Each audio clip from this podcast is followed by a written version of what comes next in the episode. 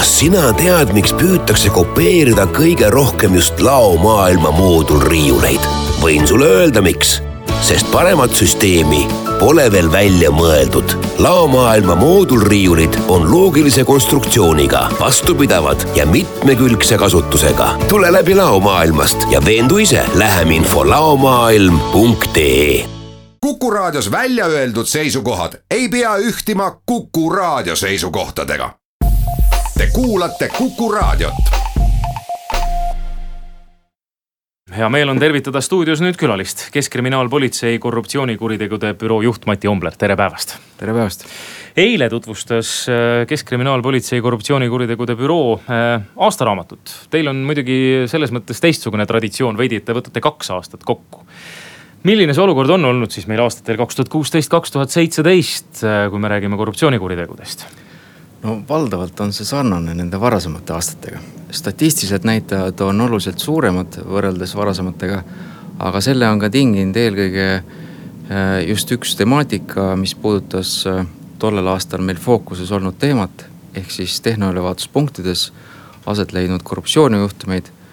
ja seal oli Äh, tuvastatud kriminaalmenetluse käigus rohkelt inimesi, isikuid, kes altkäemaksu võtsid ja altkäemaksu pakkusid. ja neid kuriteoepisoode ja, ja kuritegusid endid oli, oli selle äh,, nende kriminaalmenetluste kaudu nagu tuvastatud väga palju. ja seetõttu ka statistiline erinevus on, on, on noh märgatav no kui me räägime kogunumbrist, äh, kuussada kaheksakümmend üks korruptsioonikuritegu, see numbriliselt tegelikult täitsa ehmatab no see on muidugi kahe aasta peale. Õnneks ei ole seda ühe aasta peale, et aga siiski. et seda, on, seda on palju, muidugi aga siit ma saan aru, et siin on väga suur osa just nüüd siis nende tehnoülevaatustega seotud episoodide osas. et äh, seal oli väga palju kuriteo dokumentide võltsimisi, väga palju altkäemaksu andmise juhtumeid äh, ja võtmise juhtumeid. milline see dünaamika meil korruptsiooni osas on, on see enamasti ikkagi altkäemaks siis? Äh, viimase kahe aasta vaates võiksime öelda, et need prokuratuuri saadetud kriminaalasjades läbi käinud kuriteod moodustavad või nendest moodustab seitsekümmend viis protsenti altkäemaksuga seotud kuriteod ja, ja siis dokumentide võltsimised. noh, kui tehnoülevaatustest oli juttu, kui see kõrvale jätta, millistes -hmm. sektorites see enamasti on siis? Äh, no meil naljaga pooleks võiks öelda, et kõik need kuus aastat on nagu tööandjateks veidi olnud äh, kohalikud omavalitsused. ehk mm. siis äh, prokuratuuri saadetud kriminaalasjades, seal, kus on ametiisikud, on olnud kahtlustatavad, nelikümmend protsenti nendest menetlustest on seotud kohalike omavalitsustega või nende allasutustega.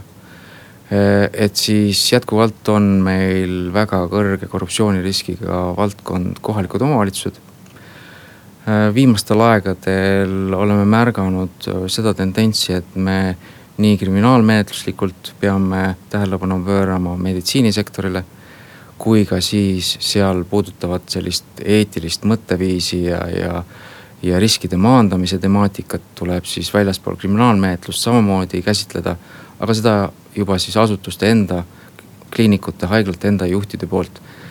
et nende ülesanne on äärmiselt oluline korraldada oma noh, tublide arstide, töötajate töö selliselt, et see risk sattuda korruptsiooniohtlikku olukorda oleks viidud miinimumini kui me kohalikest omavalitsustest räägime, see teema on minu meelest aastaid olnud kogu aeg laual, et, et see on üks selliseid kõrge riskifaktoriga kohti on kohalikud omavalitsused. kui palju siin on ikkagi küsimus konkreetselt pahatahtlikkuses versus teadmatuses? oleme ka ise mõelnud seda, et kas kas kohtusse jõudvad kriminaalmenetlused, kas seal võib olla teadmatust mm? -hmm. või kui suur see osa, see teadmatus seal on?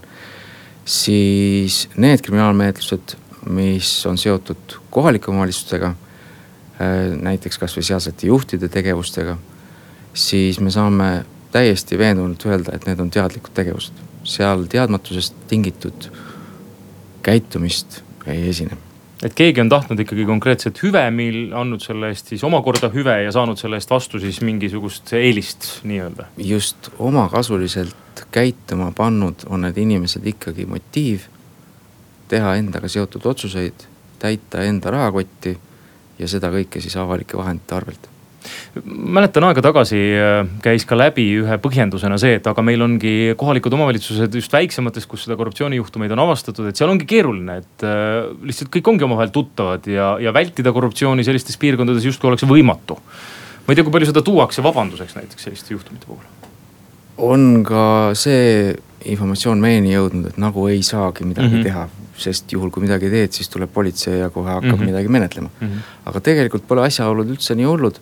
pigem on see jälle nagu äh, jutt, mis on tekkinud olukorras, kus nähakse, et õiguskaitse on järjest kaugemale ja kaugemale oma tähelepanu pööranud. järjest mõjusamalt selle valdkonnaga tegelenud ja nüüd enam nii ei saa, nagu sai viis või kümme aastat tagasi ehk äh, tegelikkuses on ka väikses omavalitsuses, täna on nad õnneks juba suuremad ja see olukord järjest rohkem muret peaks tegema. aga väikses omavalitsuses on võimalik läbipaistvalt neid otsuseid vastu võtta. ja need omavalitsuse töötajad, kes äh, on oma ametipositsioonil kohustatud otsuseid või toiminguid tegema ja nad näevad, et äh, need isikud, kelle suhtes nad peaksid neid otsuseid tegema, on tema endaga kuidagi seotud siis neil on võimalus ja kohustus alati anda sellest avalikult teada. taandada ennast otsustusprotsessist ja keegi teine teeb selle otsuse ja siis on ka tulemus objektiivne, kellelegi liiga tegemata ja kedagi eelistamata Te mainisite ka seda, et meil on ju haldusreform toimunud, et nüüd lähevad omavalitsused suuremaks. mis teie prognoos on, kas sellega kasvab vaid korruptsioonijuhtumite arv või hakkab vähenema, mingisugused mõtted teil ka? lootus on muidugi, et läheb paremaks elu aga kahesaja kolmeteistkümnest sai seitsekümmend üheksa. Kas see nüüd lähiaastatel toob meil, kui ainuüksi statistikat vaadata ja prokuratuuri saadetud kriminaalasjade arvu, toob meil sellise vähenemise kaasa? hetkel ei oska öelda, aga ei pruugi nii minna, kõik sõltub täna sellest, kuidas oma äh, tegevust täna näevad ja ja ütleme siis reaalselt ellu viivad omavalitsuste juhid. kui tõsiselt nad võtavad pettuse ja korruptsiooni nähtust oma kohalikus omavalitsuses. kui oluliseks nad peavad sellise ausale mõtteviisile, ausale käitumisele suunatud avalike vahendite kasutamise äh, eeskirjade nõudmist nii endalt kui oma töötajatelt, kõikidelt omavalitsuse töötajatelt et kas see ka viimane omavalitsuse töötaja teab, et omavalitsusjuht täna näeb ainult siin töötamas ausaid inimesi. juhul kui keegi eksib, ebaausalt käitub, siis ta siin enam töötada ei saa. et kui see on kõigile teada ja need otsused tehakse läbipaistvalt, ilma et keegi kusagil saaks endaga seotud isikuid mingil moel eelistada, siis see olukord kindlasti muutub paremaks ja siis jääb meil oluliselt vähemaks ka neid menetlusi no korruptsioon on selline kuritegu, mida on ka keeruline avastada, sest et kui on kaks huvitatud osapoolt, siis äh, üldiselt on nad huvitatud ka sellest, et see välja ei tuleks. kuidas tavaliselt ikkagi jõutakse nii kaugele, et, äh, et asi jõuab politseisse ja te tõepoolest seda uurima hakkate? väga õige, varjatud kuritegevus, üks, üks selline meie jaoks nagu raskem osa või külg on see, et äh, avastada on keeruline.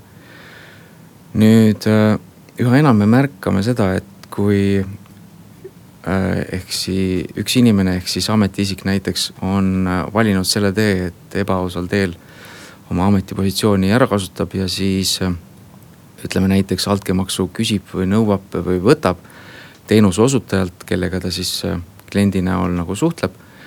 siis mida aeg edasi, seda suurem tõenäosus on, et see klient ei jäta seda teadmist enda teada mm et see levib.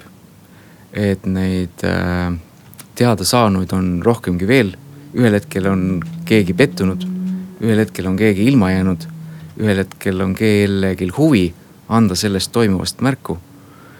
Äh, see on üks viis, kuidas informatsioon jõuab meieni, loomulikult võiks see jõuda kohe alguses, kui seda märkab näiteks selle ebaausa töötaja juht mm. -hmm aga on ka neid olukordi, kus proovitakse siis asutuses ise ära sättida see noh, avalikuks tulnud ebamugavust üles näitav juhtum, kus äh, asutus on küll kahju saanud, on arvatavasti konkreetne inimene selle toime pannud, selle võimalikke teo. aga antakse seda valge paber, antakse võimalus mingi aja jooksul kahju hüvitada ja inimesel on võimalik lahkuda. selle üks väga tõsine miinus on, et see inimene läheb ja leiab endale järgmise tööandja ja jätkab samasugust käitumist, ehk siis järgmine tööandja on järgmine ohver ehk siis, kui rääkida ka ennetamisest ja kontrollimisest, siis äh, sel nädalal ka Ernst and Youngi audit, mis äh, või uuring, mis siis korruptsiooni uuris Eestis ka ettevõtete seisukohast, tõi ka välja seda, et noh, et väga oluline ennetuse pool ja just ettevõtetes ka sisekontroll. et ma saan aru teie jutust ka, et sageli ka juhtub seda, et sisekontroll avastab, aga ei anna politseisse äh, pigem ei olegi isegi võib-olla sisekontrolli tegemata töö see, on eelkõige nendele probleemiks, kus sisekontrolli üldsegi mm. ei ole mm. -hmm. vaid ettevõtte juhid proovivad seda siis no lihtsamal teel nende arvates ja nende jaoks võib-olla kõige kiiremal moel olukorda ära lahendada. seal, kus on juba sisekontroll, järelikult asutuse juht on mõelnud läbi, milleks tal seda sisekontrolli vaja on, selleks, et tulevikus hoida ära oluliselt suuremate kahjude ähm, ette näiteks sattumine, hilisemate mainekahjudega tegelemine, vaid ta panustab selle sisekontrolli riski haldamise, riski juhtimise peale. kaasnevad küll igakuised kulud, aga sellega ta koolitab oma töötajaid, maandab oma tööprotsessides näiteks mingeid süsteemivigade katmisi, mis hoiavad ära tegelikult äh, ebaausa motiiviga inimeste vot nende süsteemivigade ärakasutamise omal eesmärgil äh, kui palju toimib äh, korruptsioonikuritegude büroo vihjetelefon, sest ka see ju eksisteerib just, et büroo loomisest saati meil see vihjetelefon on töös. ja tore on see, et aasta-aastalt äh, laekuvate vihjete arv ehk siis sisuliste vihjete arv on suurenenud. ja samas Eesti inimesele omaselt tuleb neid ikkagi veel vähe, meie arvates vähe, neid võiks ju olla rohkem. sest äh, mida rohkem inimesed annavad teada, seda rohkem tegelikult oma tegevusega Nad saavad väljendada seda, et see neile ei meeldi. ja miks mitte edastada see teave sinna, kes sellega tegeleb, ehk siis proovib paremaks muuta Eesti riiki ja, ja seda asutust ettevõtet. ja niimoodi üheskoos me tegelikult äh, saamegi paremuse poole sammuda meil on stuudios külas Keskkriminaalpolitsei korruptsioonikuritegude büroo juht Mati Ombler. korruptsioonikuritegude büroo esitles eile siis äh, kahe tuhande kuueteistkümnenda ja kahe tuhande seitsmeteistkümnendat aastat kokku võtvat aastaraamatut, mis puudutab korruptsioonikuritegusid Eestis. ja head kuulajad, kuus, kaks, üks, neli, kuus, neli, kuus on telefoninumber stuudios, kui teil on küsimusi, mis on seotud korruptsiooniga, siis äh, Keskkriminaalpolitsei korruptsioonikuritegude büroo juht Mati Ombler on valmis neile ka vastama. muidu meil ongi vist juba telefon helisenud. võtame esimese küsimuse vastu, tere päevast tere päevast, mul oleks äh, selline küsimus, et mis külaline arvab sellest, ütleme, et kui tänutäheks mingi sümboolse asja või noh, mingi noh, miinimumtasu eest või noh, viid midagi tänutäheks, tõesti oled inimesena millegi eest südamest tänulik, et ma arvan, et tänutäheks kui ei ole pidevalt ja eh, noh, eh, väga kalleid kingitusi ja pidevalt ühele samale tööd olla. Aitäh küsimuse eest! Ja see on küsimus, mis meil ka muide siin mõned päevad tagasi Vox Populis üles tõstatus, et kui viia arstile kingituse, kas see on korruptsioon, ma arvan, et siin mõtles ka helistaja sedasama.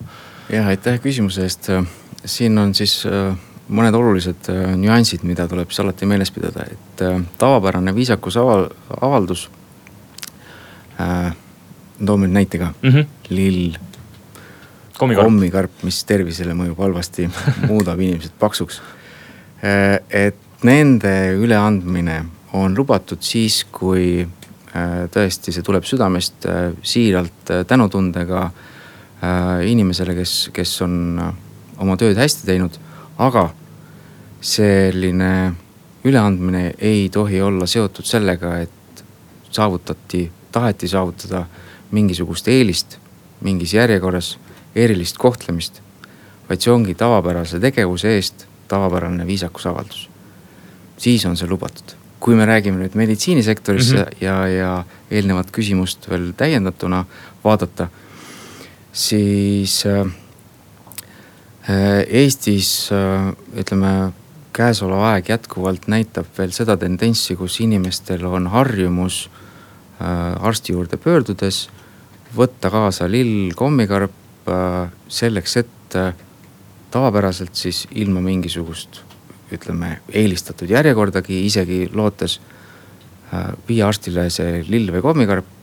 natukene lootes, et ehk arst pöörab paari minuti jooksul temale rohkem tähelepanu ja ehk ta saab paremat äh, teenust, kui ta võib-olla lille või kolmikarpi viimata jättes oleks saanud. et see sealt kabinetist välja tulles, selline üleandmine annab siis inimesele võib-olla täna meie arvates, miks ta seda teeb, annab siis inimesele võib-olla parema enesetunde kui paremast teenusest, mis tal oli võimalik saada. tegelikult ma usun, et arstid vaatavad kõiki patsiente ühtemoodi oma parima teadmise ja kogemuse ja praktika vaates ja oskustega püüavad andagi kõige paremat äh, arstiabi. ja seda kõike olenemata sellest, kas inimene ukse taga ootab lillede või kormikarbiga või veel hullem, pakub mingisugust ümbriku kliendikaarti või, või veelgi midagi muud kui ma püüan kuidagi veel täpsustada seda, et, et seda on ju võrdlemisi keeruline avastada, et noh, et kui tõesti inimene viib otseselt midagi ka ei ütle, lihtsalt loodab seda kui palju sellised juhtumid jõuavad reaalselt ikkagi siis ka politsei lauale, et seda tõesti peetakse ka korruptsiooniks? jah, meil on tulnud äh, viimaste aastate jooksul nüüd menetleda äh, mõnda kriminaalasja, kus äh, arstidele on viidud lisaks alkoholipudelitele mm -hmm. ka sularaha mm. ja kõik näiteks selleks, et saada töövõimetuse määramist olukorras, kus tegelikult tervislik seisund reaalselt seda ei näita. arst ei saaks tegelikkuse kontrolli läbiviimisel tegelikult seda no ütleme tervisetõendit või tervislikke pabereid selliselt välja kirjutada. Äh, küll on meil juba avalikkus läbi käinud äh, Tallinnas äh, ravikliiniku juhtum, kus kaks juhatajat altkäemaksu eest vormistasid inimesi väljaspool järjekorda hooldusravile ja seda jälle raha eest. see oli välja kujunenud süsteem ja, ja pikema aja jooksul, mitte paari-kolme kuu jooksul alles kujunemas olukord, vaid juba aastate jooksul kujunenud süsteem, kus arstid arvestasid sellega. ja inimesed, kes raha tõid, oskasid samamoodi arvestada, et väljaspool järjekorda on oma lähedane võimalik selliselt vägagi ülerahvastatud kliinikusse ravile saada kuus, kaks, üks, neli, kuus, neli, kuus on telefoninumber. Mati Ombler, Keskkriminaalpolitsei korruptsioonikuritegude büroo juht on jätkuvalt valmis vastama teie küsimustele. järgmine küsija on liinil, tere päevast. tere päevast. Äh, kas äh, see kohtunik Rebane oli vist tema nimi, tehtud otsus tähendab nüüd sisuliselt seda, et kui Edgar Savi, Keskerakond äh, paigutab nüüd Edgar Savisaare Toomas Ristlaane, kes jäi vahele altkäemaksu võtmisega kohale, et ta võib seal kohal siis nagu sellist äh, karistamatult jätkata korruptiivset tegevust, et ta on ju vastutusvõimetu, aga teovõimetu ta ei ole või, või võib sellest nüüd niimoodi aru saada? aitäh küsimuse eest palju kõneainet tekitanud juhtum, ma ei tea, kui palju, muidugi Mati Ombler ei ole kohtunik, aga Mati, soovite te kommenteerida seda kuidagi? Äh, nimetatud kriminaalasi kohtus äh, elab oma arengut ja, ja saame äh, õige pea mitme kuu möödudes loodetavasti teada, kuidas, kuidas need asjaolud mm. edaspidi arenevad.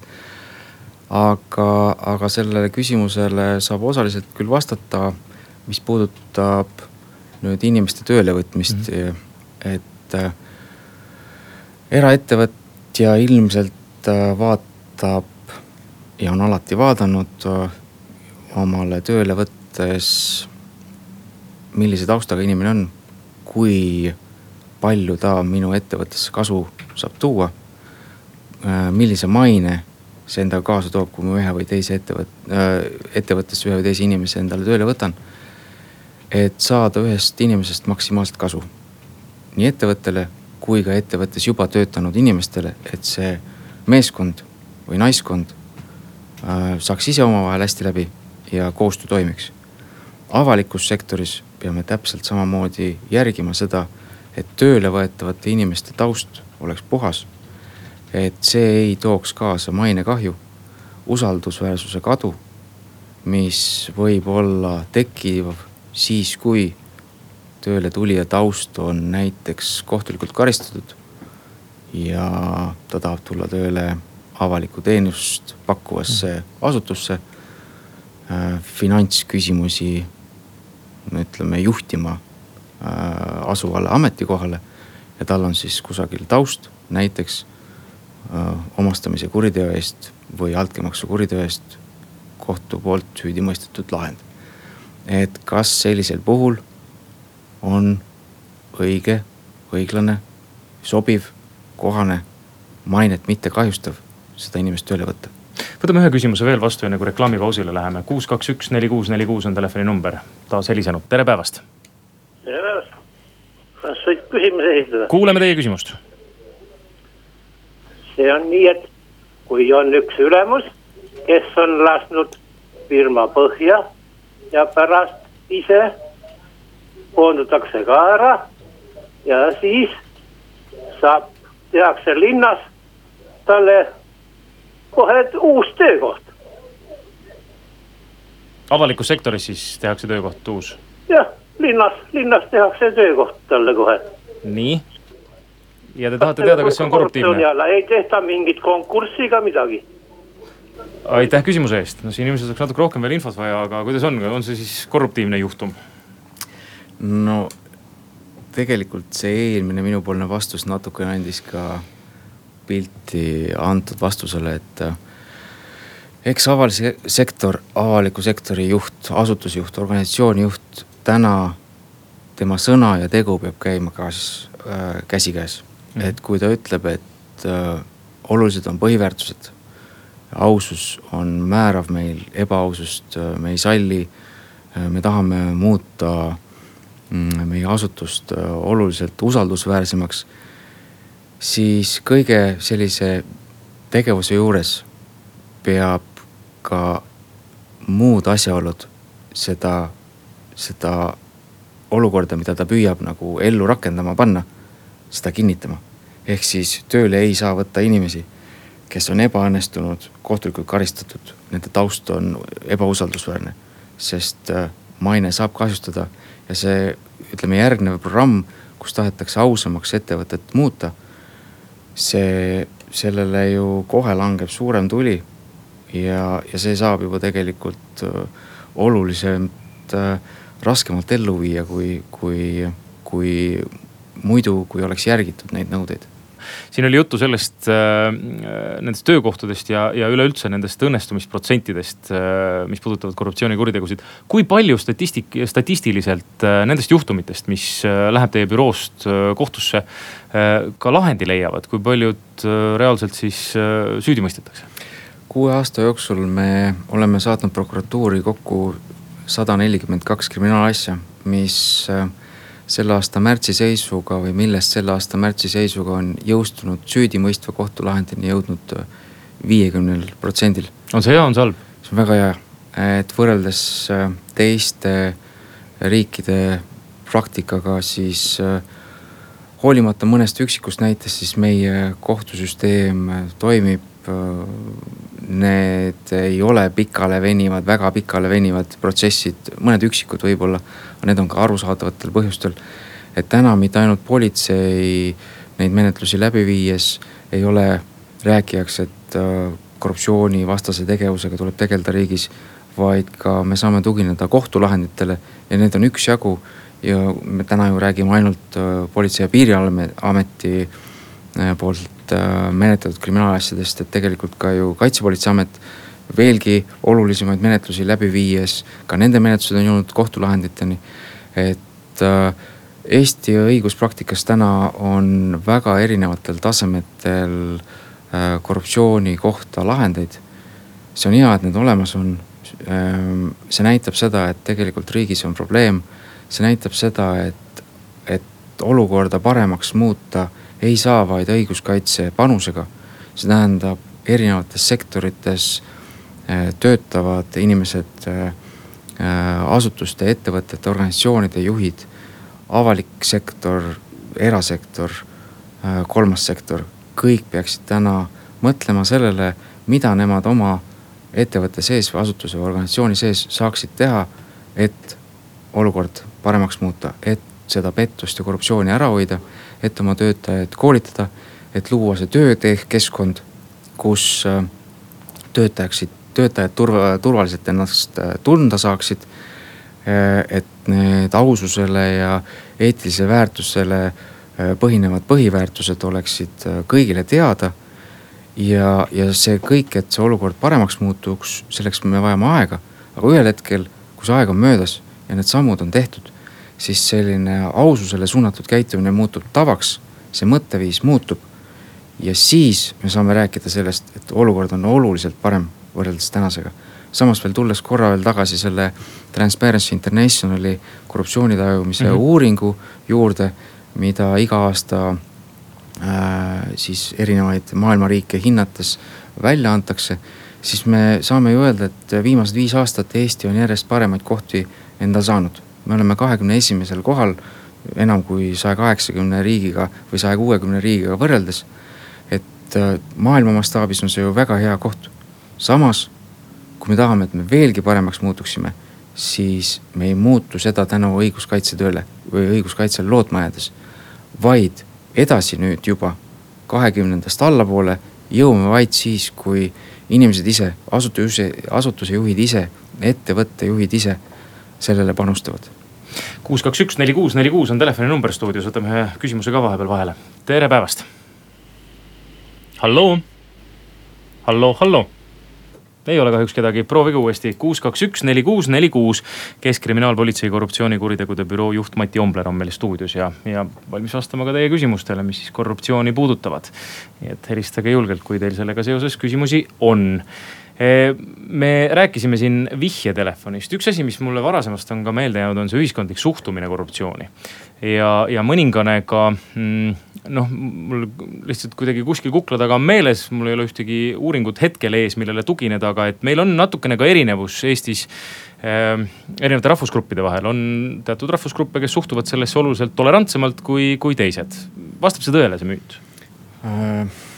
no me teinekord näeme seda, et äh, mõni, mõnes sfääris, mõnes sektoris inimesed on tõesti varmad rohkem äh, ja kiiremini Äh, teenust saada soovides käima välja selle meelehea või altkäemaksu.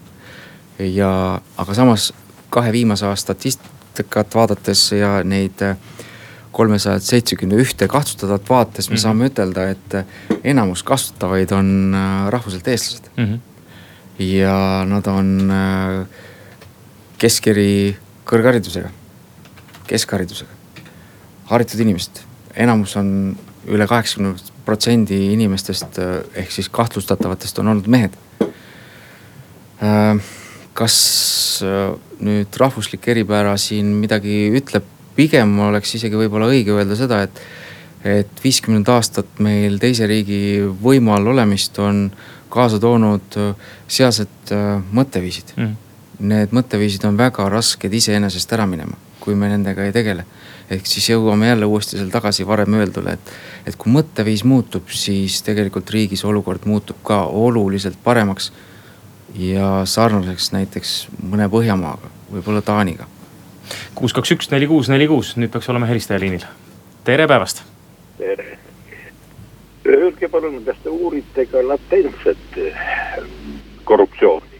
see tähendab seda, näiteks sellist olukorda, et kui kannatanu teeb kaebuse prokuratuuri, prokuratuur uurib ainult kaebust ja keeldub kriminaalasja algatamisest. ja siis pärast tuleb välja, et, et uuriti ainult avalduse alusel asja, aga tehingud ja toimingud, mille, mis olid, millised olid nüüd selle kaebuse aluseks tuleb pärast hiljem välja, olid võltsitud, võltsitud dokumentide kasutamine. noh, näiteks konkreetsel juhul EVK-le teadvalt valeandmete edastamine panga poolt. aga mitte keegi sellises olukorras ei saa kedagi käest kinni võtta, kes mida on saanud, aga uurimist selles osas teha ei taheta. aitäh küsimuse eest. väga konkreetne juhtum toodi siin nüüd välja äh,.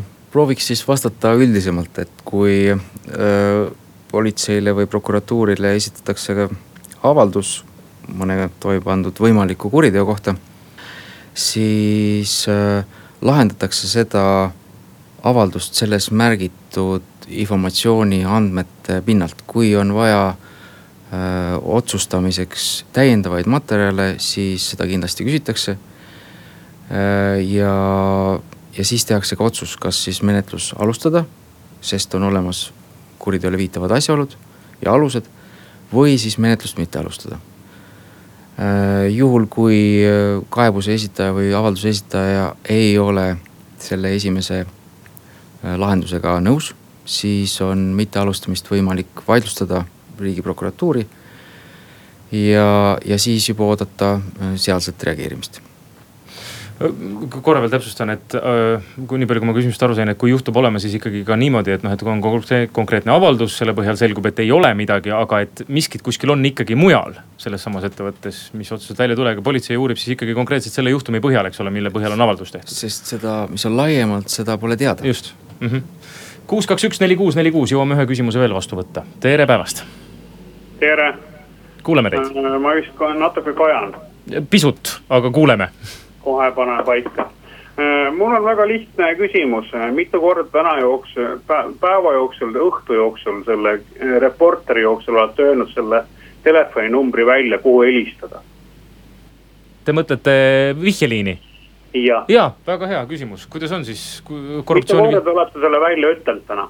me ei ole täna seda kordagi maininud me kohe saame seda öelda. jah, vot teeks niimoodi, et hakkaks sellest pihta aitäh igal juhul tähelepanu pööramast, väga tähe, õige tähelepanek, mis on siis vihjeliini number?